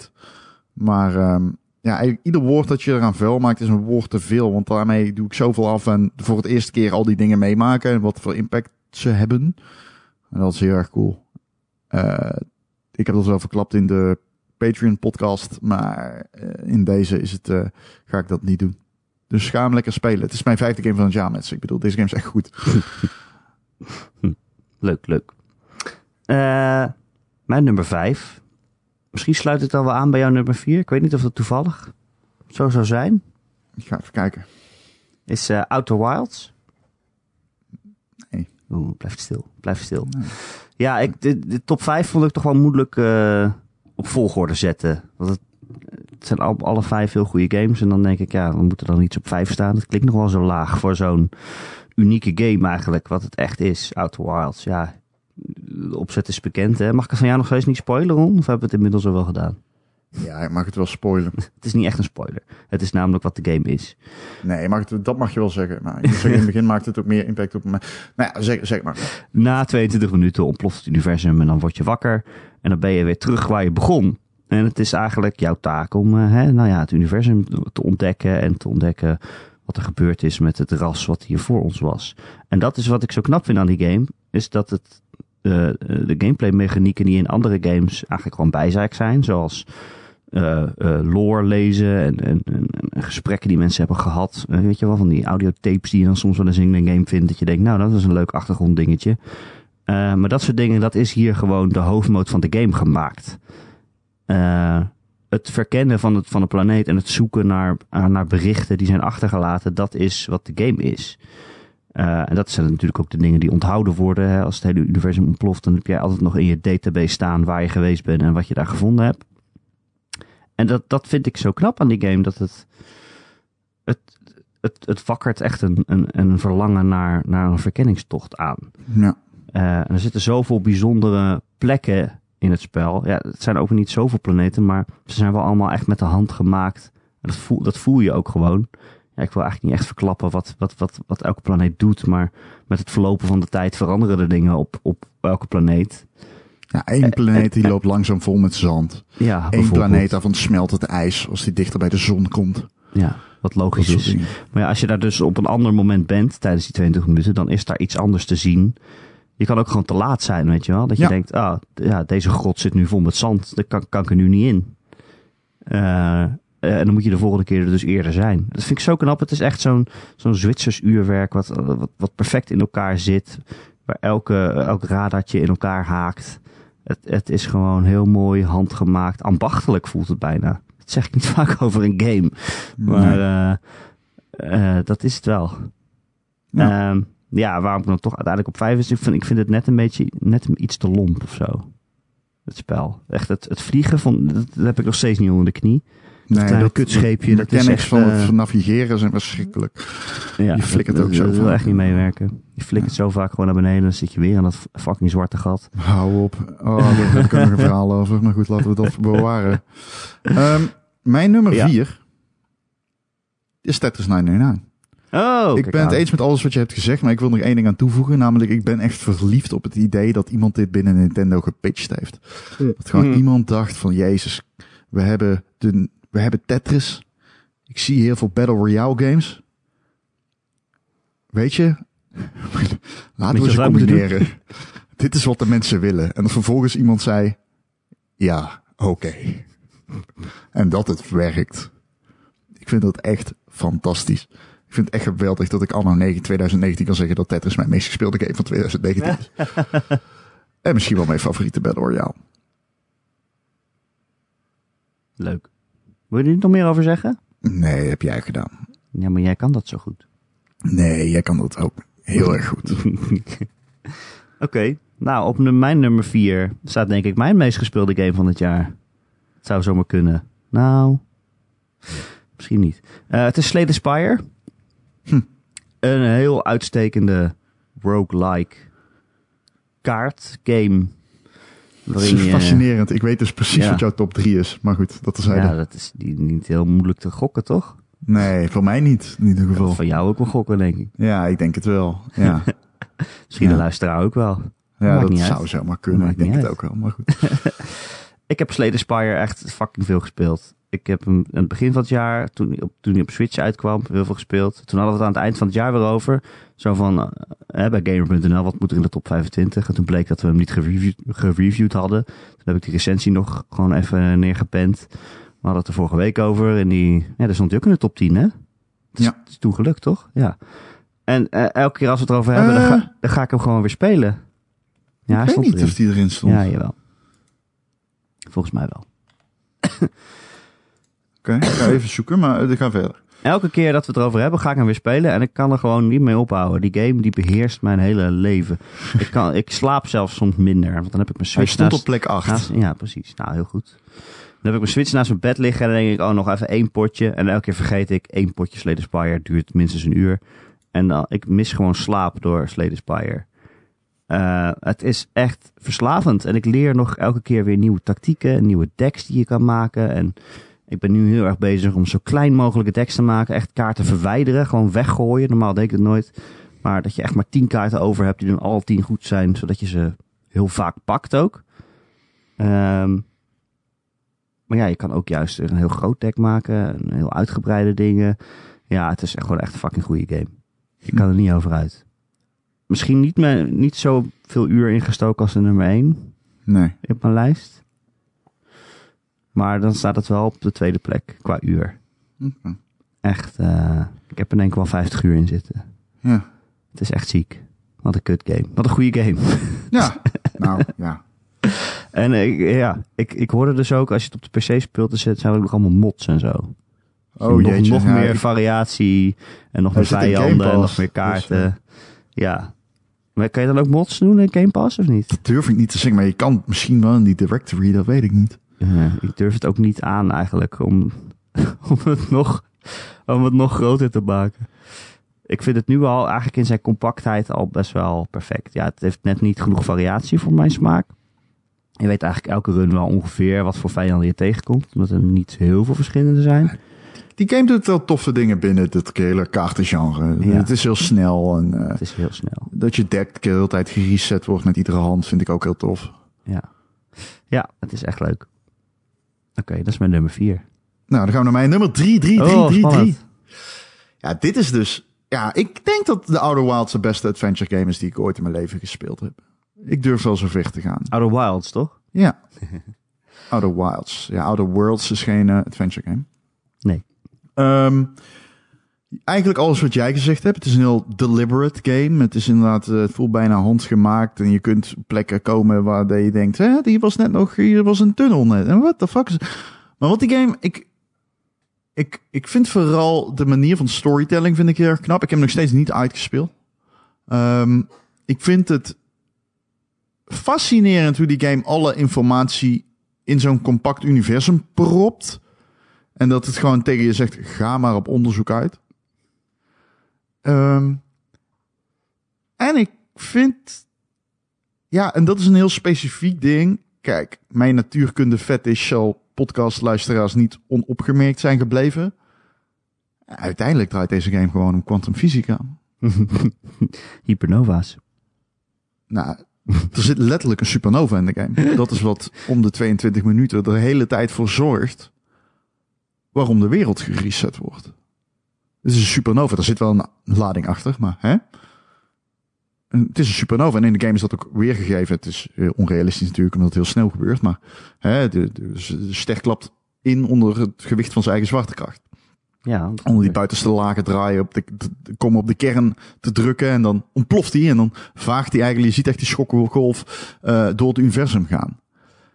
Um, maar die game doet ook dingen met kwantumfysica waarvan ik echt uh, kippenvel kreeg. Echt. Um, het, is, het is echt daadwerkelijk de beste game met quantum physics. beste kwantumfysica game ooit. Ja, maar de kwantumfysica is natuurlijk een fucking fascinerend onderwerp. Uh, dat onmogelijk te begrijpen is als je de uh, berekeningen niet snapt. En voor de duidelijkheid, die, die, die snap ik niet. maar het concept kwantumfysica, hoe die game omgaat met dingen zijn er niet behalve als je ze ziet en zo. Is, uh, ja, ik denk niet dat een game dat ooit eerder heeft gedaan. En het is, het is ook zo vet dat die game dat eigenlijk niet heel pretentieus verpakt. Maar gewoon je steeds meer informatie geeft om te ontcijferen wanneer je waar moet zijn en wat je daar moet doen. En uh, ja, ja, ik weet niet, dit is echt een kippenvel game voor mij. Ik heb zoveel kippenvel gehad tijdens deze game en ik ben nog steeds bezig met het ontrafelen van het mysterie. Ik ben heel dichtbij. Um, maar het is als een, uh, ik weet niet man, het is iets, ik koester het of zo. Het is echt een, uh, hele bijzondere game. Ik heb het zelden deze generatie zo'n bijzondere game gezien. Uh, het, het, gewoon het hele feit dat ze binnen overal een plek hebben gemaakt waar je binnen 22 minuten, zeg maar, dat gewoon heel die game is gemaakt met de filosofie, als je hier bent, moet je het binnen 22 minuten kunnen zien. En er is zoveel ja, daarvan. Hè, ja. En er is zoveel daarvan. Die designfilosofie zijpelt door tot in de diepste krochten van iedere fucking planeet die je bezoekt. En ik vind dat zo knap. Ik heb dat zo zelden meegemaakt in game design. Dat een ontwikkelaar dat simpele principe pakt en het opstapelt tot een fucking wolkenkrabber gewoon. Um, ik heb zelden iets gespeeld zoals dit. En dat rechtvaardigt een plek in deze lijst. De ene reden dat andere twee games hoger staan, is omdat ik die heb uitgespeeld. Oh nee, dat is niet waar. Dat is niet eens waar. Nee, dat is helemaal nee, niet waar. Dat is niet waar. Dat is helemaal niet zeggen, waar. Dat heb je snel gedaan nog even dan. Nee, dat is helemaal niet waar. Ja. Ja, waar ik nu ben in Sekiro is uh, letterlijk... Ho, ho, ho, spoilers. Ja, maar dat is gewoon, dat weet iedereen al. En dat is gewoon echt... Uh, ja. Moeten we dit eruit knippen? Nou, nee, we knippen nooit. Nee, we knippen nooit. We knippen nou, nooit. Ja, Ron, uh, nee. mijn nummer drie sluit eigenlijk aan bij jouw nummer twee. Oh, zeg het maar. Control. Ah, hoezo dan? Hoezo dan? Die staat toch bij jou op twee? Nee? Ja? Dat is niet wat ik zei, toch? Oh. Wat dan? Ga verder. Ik weet niet. Het is Control is mijn uh, nummer drie. Ja? Uh, wat een game. Wat een fucking goede game is dat. Ongelooflijk. Ja. Van, van, van Remedy. Die hiervoor natuurlijk een, een, een, matige game hebben gemaakt. Waar de, Zo, de, ja. de, de, essentie van Control al wel in zat. Met de, ik, haatte, ik haatte die game. Ik haatte ja. het niet. Ik vond het wel intrigerend. Maar het kwam ook omdat het met tijdreizen en zo was. En dan heb je mij al snel natuurlijk. Ja. Maar fucking een hele serie tussendoor persen, dat dacht ik echt, waar ben je mee bezig? Maar de, de essentie van Control zat er al eigenlijk in, hè, met die combat, met die, met die bovennatuurlijke krachten die je had. Maar het is zoveel beter in Control. En het komt niet alleen omdat die, omdat die combat zoveel beter is, maar ook omdat die omgeving zo boeiend is. Die oldest house waar je in komt, het, het ministerie van de Federal Bureau of Control, is gewoon echt een vage, vage trip, jongen. Dat is niet normaal. Het is, aan de ene kant is het echt een ministerie. Het is super bureaucratisch. Je vindt overal mappen en ordners en, en, en bureaustoelen en koffiekopjes en zo. En, en, en brieven van mensen die allemaal papierwerk moeten doen. En aan de andere kant botst dat heel erg met ja, het, het bovennatuurlijke uh, universum dat er soort van doorheen aan het zijpelen is. Uh, omdat er een of ander rapport geopend is. Uh, en er komt gewoon allemaal random shit uh, dat, maar, dat ja, gebouw binnen. Dit is natuurlijk inderdaad mijn nummer twee. maar inderdaad, en ook die personages, right? Ik bedoel, de eerste persoon die je ontmoet, die, die, die mevrouw, die jou zeg maar inlicht over wat er de komende de afgelopen tijd allemaal gebeurd is. Ook zij is heel erg komisch op een manier. Zij heel ja, ze doen allemaal alsof allemaal rare dingen. is. Zij vertelt dat echt alsof het een, zij zegt, Ja. er gebeuren allemaal rare dingen. Zoals, uh, er worden opeens dingen uitgedeeld waardoor je net niet doodgaat en zo. Dat je zoiets, en dan heb je een soort van schild waardoor je niet begint te zweven en opgezogen wordt door een parallel universum. En zij zegt zo, ja, nee, ja, goed. Uh, Dat gebeurt nou nu eenmaal. allemaal. Zij begint dat heel, uh, ja, een soort van gedegen uit te leggen. En dat is heel grappig. En dan kom je weer in een plek en dan zie je dat font, dat komt dan in beeld zo. En dan loop Oh, je ja. ergens, weet ik veel, de kitchen. zo. Ja. En- wc. ja, en um, die, die game is uh, stilistischer tof. Maar ik weet dat het. Wat ik zo tof vind aan die game, omdat de lore zo ontzettend serieus neemt, komt het gewoon overal mee weg. En je hebt dus briefjes in die game inderdaad die super grappig zijn en gewoon echt achterlijk zijn, zoals declaraties en zo, waarop iemand zegt, ja, mijn ritueel om de boze geesten weg te houden is uh, whisky drinken met vrienden of zo, iets belachelijks. Maar uh, het is ook wel een game die af en toe dodelijk serieus kan zijn. En dat komt omdat de lore zo erg is opgest... Die zo uh, essentieel, dat zo, die achtergrondinformatie is zo uh, concreet in die game verwerkt. Dat uh, ja, het is een eigen universum waarin eigenlijk alles mogelijk is. Dus er is ook ruimte voor humor en voor ongelooflijke en onge ongeloofwaardige dingen. Uh, en ja, wat dat betreft is dit echt zo'n game die je iedereen aan kan raden. Gewoon omdat het een Ja. heerlijk wegduikavontuur is. Het is gewoon echt, je duikt echt weg in een ander universum. En dat vind ik ook zo knap. Het geniet er heel erg van om je niet alles te vertellen. Kijk, in andere games dan ben je een hoofdpersoon en dan... Uh, dit is het verhaal en dit is je missie. En uh, ga je gang. Hier moet je heen. En, en, en in deze game, ja, het begint met die hoofdpersoon, uh, Jesse Faden. Die komt het gebouw binnen.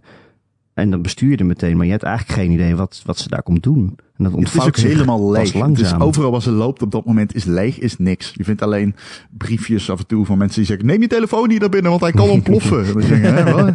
Ja, en zij zelf weet wel wat ze daar doet. Dus ze is heel gericht in haar missie. Maar jij als speler, jij weet niet meteen alles. Dat Nee. wordt pas langzaam verteld. Nee. Dat vind ik heel knap. Ja. Ja, wat een game. Het speelt lekker. Het, het verhaal is tof. Het is geweldig. Het is creepy, echt een geweldig verhaal. En uh, inderdaad, speelt lekker.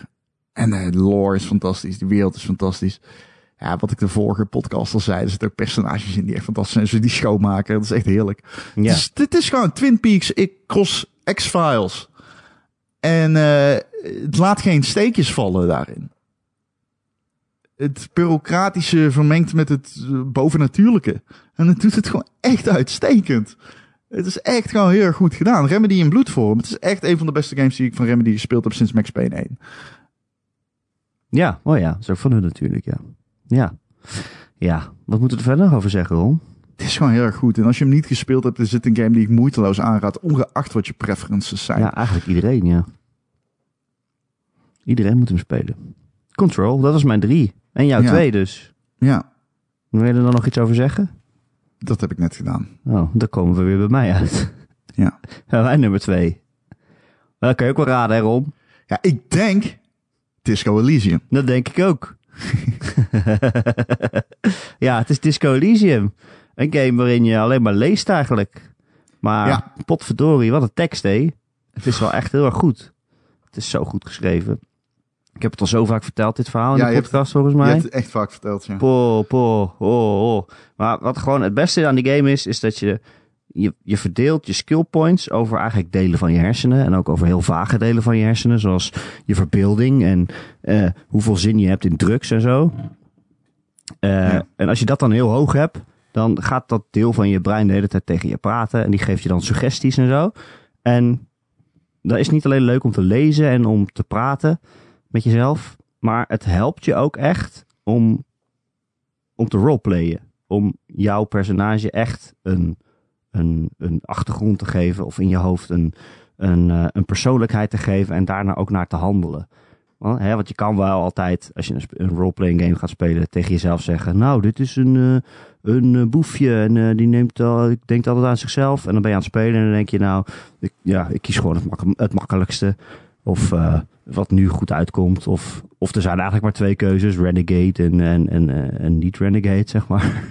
Mhm. Ehm, maar dit spel helpt je heel erg om echt goed in je eigen rol te roleplayen. Want als jij aan het begin zegt: Oké, nou deze gast die heeft heel vaak zin in drank en drugs. Dan komt dat deel van je hersenen dus ook de hele tijd je lastigvallen. Zo van: Hé, hey, je bent nu dit kind op straat dat een drugsdealer is. Die ben je nu eh, afhandig aan het maken van zijn eh, drugs. Misschien moet je het zelf eh, innemen. En dan heb je ook zo'n partner naast je en dan probeer je het voor hem te verbergen. dat je het dan ingenomen hebt. Maar alles is een skill check. Overal worden de hele tijd dobbelstenen gegooid eigenlijk. En alles kan dus ook mislukken. Dus misschien ben je heel slecht in stealth. En dan ziet hij gewoon dat jij speed net hebt ingenomen als, als politieagent. Het is misschien ook een beetje bedenkelijk. Maar ja, het spel gaat wel de verder. En hoe dom het ook is, het gaat gewoon verder. En hoe erg mislu- mislukt het ook is, je moet er maar mee dealen. En sterker nog, dan kan je nog roleplayen dat het expres ging en dan kan je heel erg aan vasthouden. Ik moest bijvoorbeeld op een gegeven moment een naam voor mezelf verzinnen die geloofwaardig klonk. Maar ik had een heel slechte verbeelding en, en ik gooide ook heel, heel slecht. Toen verzon hij iets heel erg doms. Maar ik heb wel het hele spel volgehouden dat dat zijn naam was. ook al kwam je op een gegeven moment wel achter wat echt zijn naam is. Dan kan je het nog steeds volhouden. Nee, ik heet eh, Rafael Cousteau eh, de nog wat is. het, is het is echt fantastisch.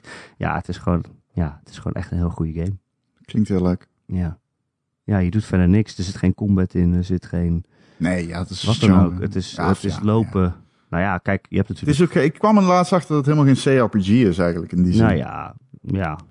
Nou, nee, echt, eigenlijk wel. helemaal niet. Het is, Het is, echt een, wel... het is een roleplaying game en het ziet er classic uit. Het is isometrisch en het is... heeft eh, het niet gewoon meer gemeen met tabletop games? Ja, maar zelfs als ik Dungeons and Dragons speel, dan hebben we nog wel eens een gevecht, zeg maar.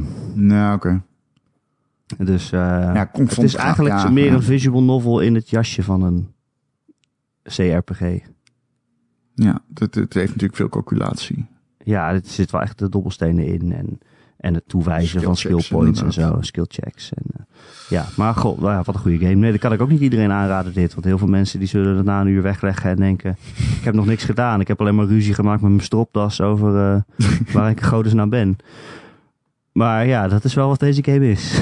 en ik hou er heel erg veel van. Ik snap het. Dat, dat, dat, ja, nou ja, om dan maar een bruggetje te maken. Een game die je niet aan iedereen kan aanraden en ehm, Ja. waar- waarbij je ook zoiets hebt van, jeetje, wat is dit? Is, Gaan we naar de nummer 1? Gaan we naar de nummer 1? We is onze nummer 1. hebben allebei En ik ga dezelfde, dit gewoon voor jou zeggen. Ja, natuurlijk, dit is. Sekiro. En waarom is die game zo geweldig? Waarom is die game zo geweldig, Erik? Hoezo waarom? Nou, kijk, het is een From Software game, Ron. Het is een fucking moeilijke game.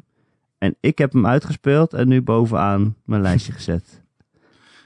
Omdat je hem hebt uitgespeeld. Nee, ja, nee, ik heb hem uitgespeeld en bovenaan mijn lijstje gezet. en ik bedoel, ik heb nog nooit zo'n From Software game echt heel leuk gevonden. Maar deze wel. Dit is echt gewoon pure gameplay. Je weet wat ze zeggen. Je eerste echte Porno. From Software game is je favoriete. Is dat zo? Ja, net dan leer je het. Dan leer je het moet. Ja, het is gewoon puur gameplay. Ja, ik bedoel, ik vind het, de setting ook wel leuk, maar het- dit is gewoon... Het, is, het voelt heel eerlijk.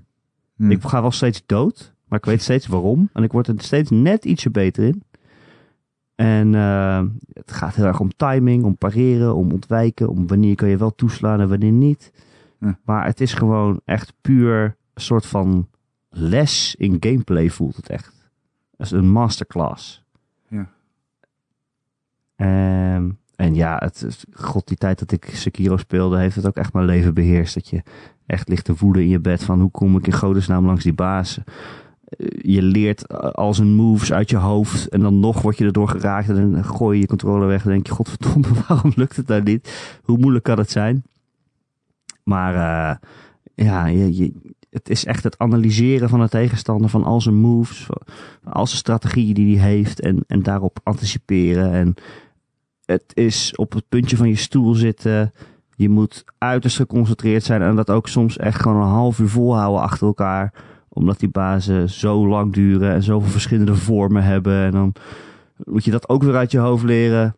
Ja, potverdorie, ja, het is zo goed. Ik, ik, ja, alles wat jij gezegd hebt is op zich wel waar. Ik ga er wel een paar dingen aan toevoegen. Ja, Ten eerste. zijn al lang niet klaar. Ik vind niet dat de skill ceiling van deze game, dus het plafond wat je moet aantikken om het uit te spelen, of in ieder geval zover mogelijk te komen. Je hebt nog niet uit. asterisk, asterisk, juist. Ehm, niet heel erg hoog is. Niet Hmm. zo hoog als Bloodborne. Ik zou uitleggen waarom. Deze game geeft je gewoon de middelen om het te doen.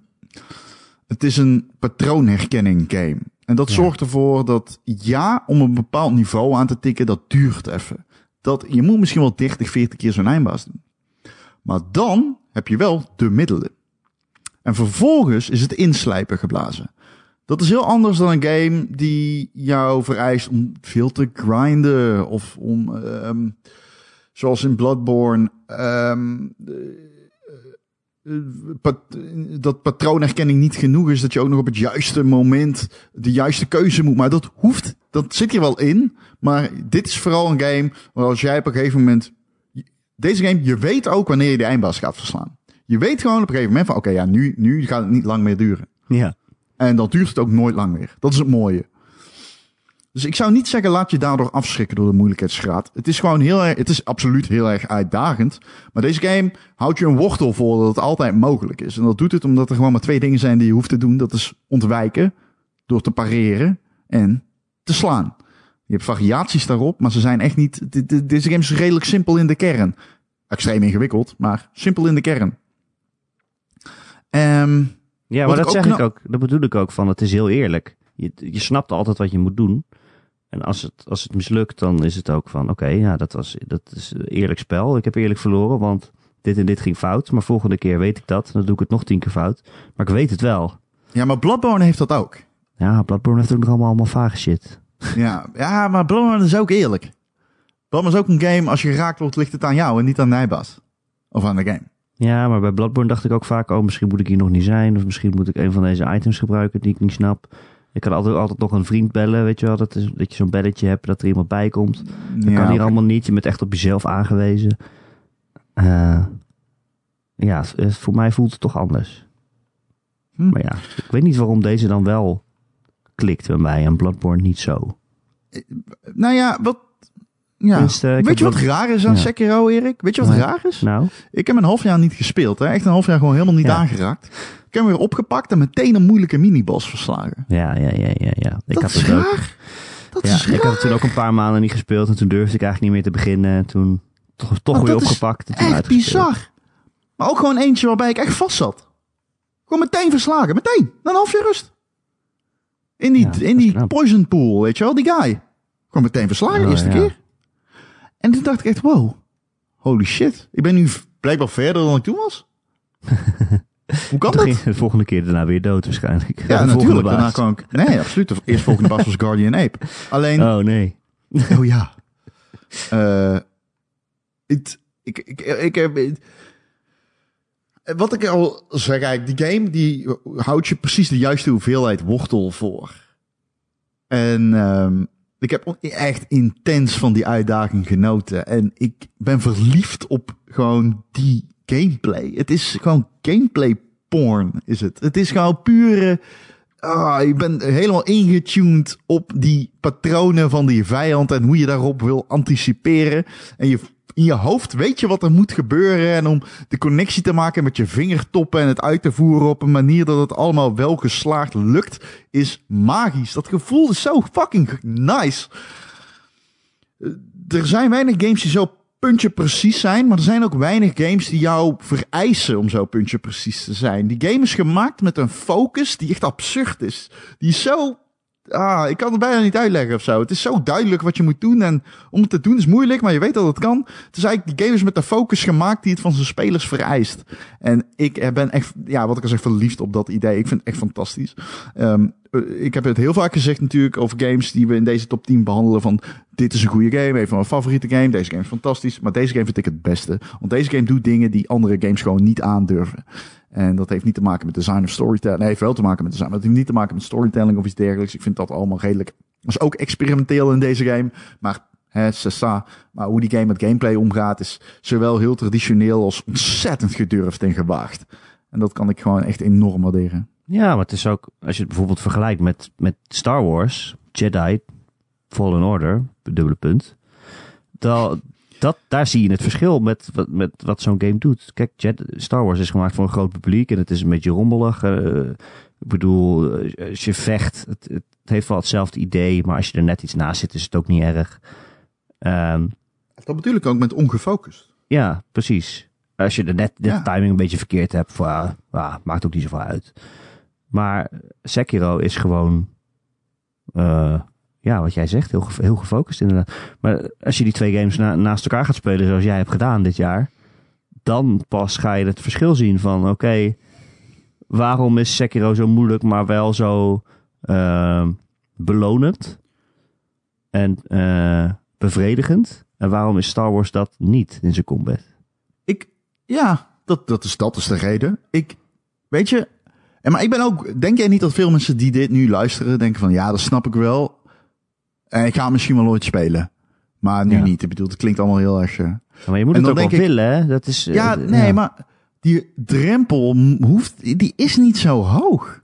Nou, het is niet altijd leuk om vijf uur lang tegen een muur aan te lopen. Het is Wordt leuk op het moment dat je de barsten ziet. En geloof me, die zie je eerder dan vijf uur. Je ziet de barsten wel, maar je blijft maar tegen die muren lopen. En hij blijft gewoon Tuurlijk, overeind staan. op een gegeven moment ga je er doorheen. Sterker nog, dan ga je er doorheen en dan staat er achter nog een muur. En dan denk je, ja, shit. Nou, je krijgt in de tussentijd er heel veel voor terug. Je krijgt er heel veel voor terug. En deze game heeft ook een soort van, ik weet niet, beloning. Ja. ja in die ja, zin. Het is ik weet niet, ja, eclectisch is te, te, vaag, maar...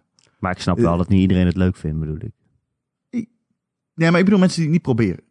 Ik wil niet dat de drempel hoog klinkt. Want die drempel is niet zo hoog als die klinkt. Echt niet. Jij hebt hem uitgespeeld. Ja, dat is wel ongelooflijk, hè? nee, maar ik bedoel maar. Ja. Toch? Weet je, Bloodborne, dat ik jou echt moest fucking bijna gewoon naar je console moest trekken. Nou, Bloodborne heb ik toen ook geprobeerd. En hoe ver ben ik ja. gekomen? Het eerste... Ik, kan me de appjes nog herinneren. Wat doet die guy met die machinegeweer? Ja, toen ben ik gestopt, ja. Dat. dus ik snap het. Alleen het is het niet waard om het zo hoog in het... om die moeilijkheidsgraad te gaan. Ik denk ook dat het een ding is... dat mensen die deze game spelen graag willen zeggen... wow, het is de moeilijkste game die ik ooit gespeeld heb. Ook al zeg ik niet per se dat ze liegen. Maar mensen dragen dat als een schild, weet je wel. Als een soort van... Dit is, ik heb het gedaan. Ik heb die, en het is moeilijk, maar het is ook de moeite waard. En ik zou zeggen dat de moeite die het waard is groter is dan de objecten waar jij mee struggelt tijdens die game. Ja, ik denk dat iedereen het kan, maar het is, oh, ja. je, moet, je moet maar nou, willen om dat zo lang te proberen. Als je fysiek ertoe in staat bent, kun je dit. Ja, absoluut. Ja, ja. Maar het moment dat ik die game uitspeelde was wel echt... Dat zou ik nooit vergeten. Dat was echt fucking fantastisch. Ja, ik tien uur op die uh, eindbaas gezeten en dan eindelijk lukt het. En dan voel je het inderdaad ook aankomen. Zo van, ah fuck, ik ben er bijna. En dan... Ik ben nu ook bij een baas dat ik er bijna ben. Ik ben bij... Uh, uh, Spoilers. Owl. Oh, ja, ja. Nou, dat duurt nog wel even hoor. Ja, maar niet heel lang. Nou. Ik weet wat er nog te wachten staat. nou. Dat, dat kan je hebt het al opgezocht. Ja, dus daar kom ik wel doorheen. Dat is wel een kwart van de game, toch? Nee, nee, wel verder. 80%. Ja, je moet nog een kwart bedoel ik. Ja, ik zou zeggen 20% van de game. Ja, misschien. Ja.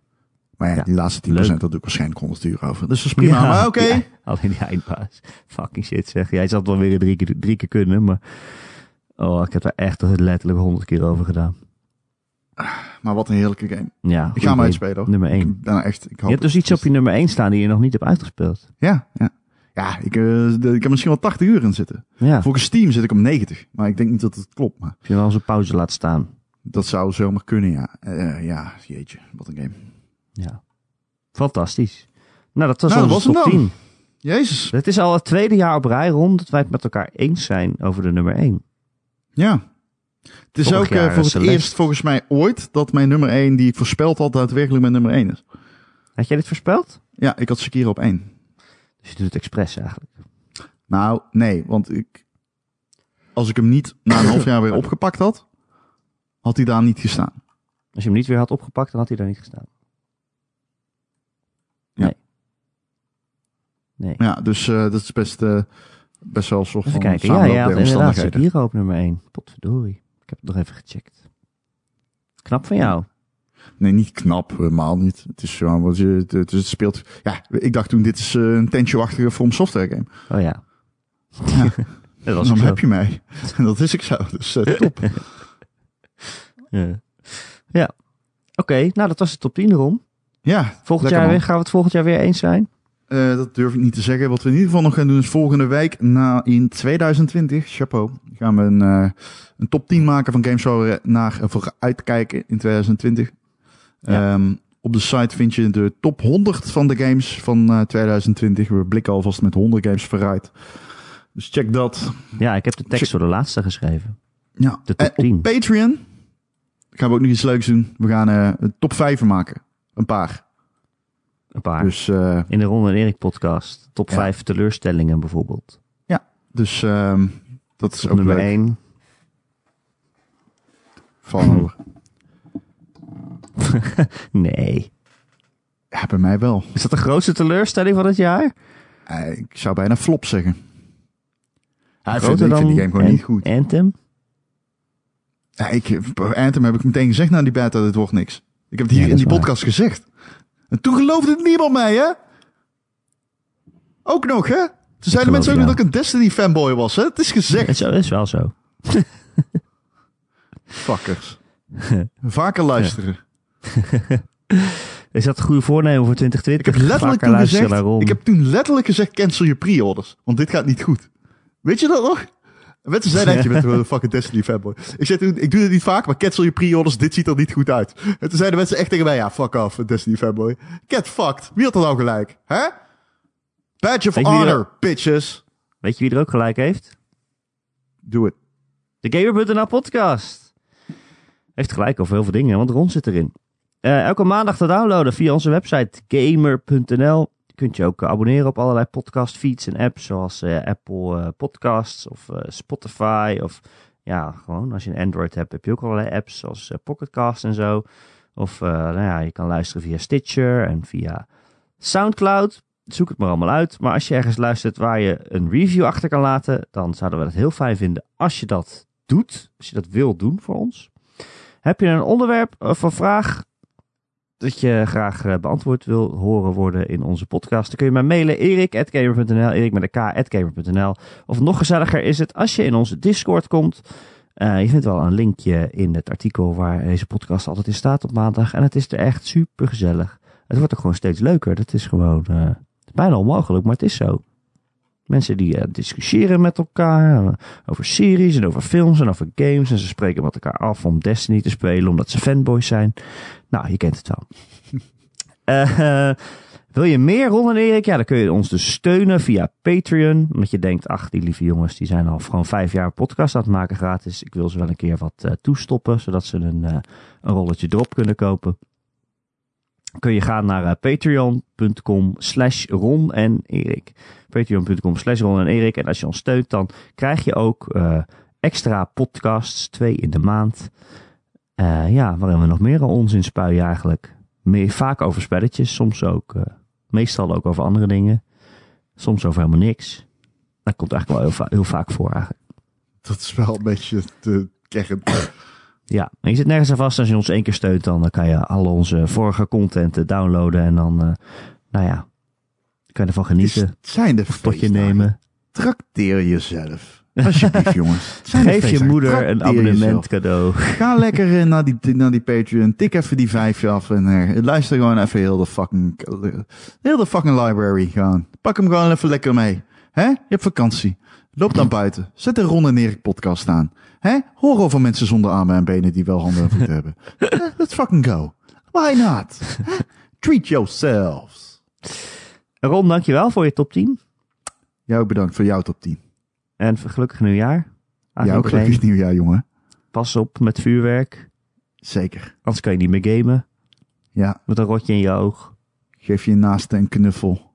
Koester het. En eh, op naar 2020, bitches. Bitches. Tot volgend jaar. Tot volgend decennium. Tot volgend decennium. Doei doei. Tabé.